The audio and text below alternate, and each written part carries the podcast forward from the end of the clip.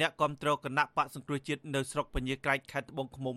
គឺលោកស្រីខនតុនត្រូវបានអាជ្ញាធរចាប់ខ្លួននៅរាជធានីភ្នំពេញនៅព្រឹកថ្ងៃទី26មករា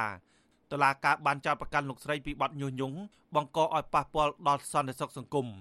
អ្នកនាំពាក្យអគ្គស្នងការនគរបាលជាតិលោកឆៃកំខឿនប្រាប់អាស៊ីសេរីថាការចាប់ខ្លួននេះ ធ្វើឡើងតាមដីការបស់តុលាការខេត្តត្បូងឃ្មុំ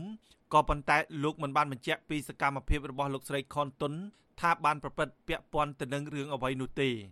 អឺគឺចោតចឹងខ្ញុំអនុវត្តតាមដីកានោះគឺតុលាការគឺពលិទ្ធទី2ប្រមាណគឺមកហើយចេញដីកាមកអនុវត្តយើងអនុវត្តដីកាទេហើយសួរតិចចឹងអត់បញ្យល់បានណាទោះជាយ៉ាងណាកូនប្រុសរបស់លោកស្រីខនតុន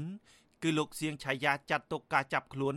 ថាជារឿងអយុត្តិធម៌ ធ្វើបាបប្រជាពលរដ្ឋស្លូតត្រង់ព្រោះម្ដាយរបស់លោកមិនបានប្រព្រឹត្តខុសច្បាប់អ្វីឡើយ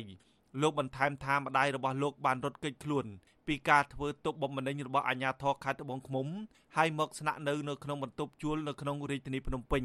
ជាមួយលោកប្រមាណ20ថ្ងៃមកហើយ ពេលប្រហែលជាម៉ោង11គាត់តាក់ទងមកម៉ែខ្ញុំបើតាមដឹងប្រហែលជាតាក់ទងនយោបាយខ្លះដែរដោយសារតែគាត់ចេញមុខចេញអីរឿងទាមទារដោះលែង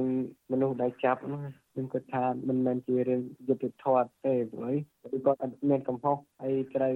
ជាប់ទោសខ្ញុំចង់ឲ្យឲ្យគេជួយរកយុត្តិធម៌ដើម្បីទាមទារការដោះលែងរបស់ដៃខ្ញុំវិញ លោកសៀងឆាយាឲ្យដឹងថាភ្លាមភ្លាមក្រោយពីការចាប់ខ្លួនប៉ូលីសបានបញ្ជូនម្ដាយរបស់លោកទៅឃុំខ្លួននៅអគ្គស្នងការនគរបាលជាតិដោយមិនបានប្រាប់សាច់ញាតិឲ្យបានដឹងឡើយ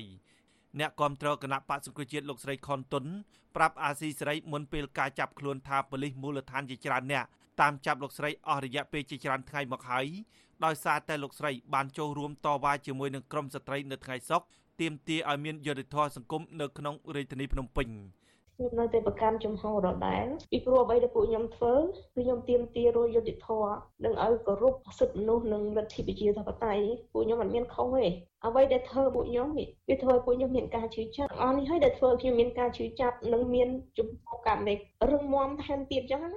ប្រធានផ្នែកសិទ្ធិមនុស្សនៃសមាគមសិទ្ធិមនុស្សអាត់ហុកលោកនីសខាមានប្រសាសន៍ថាប្រជាពលរដ្ឋបានចូលរួមសម្ដែងមតិទាមទារឲ្យមានយុត្តិធម៌សង្គម